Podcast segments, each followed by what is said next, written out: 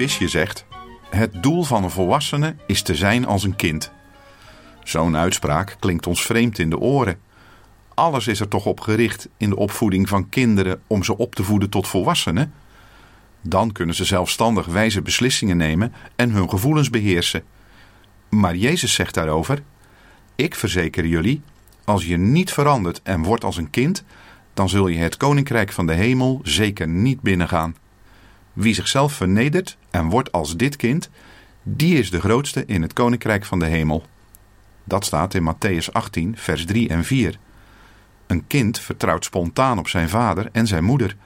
Zo'n kind hoeft zich geen zorgen te maken om het eten, de kleren en alle primaire levensbehoeften.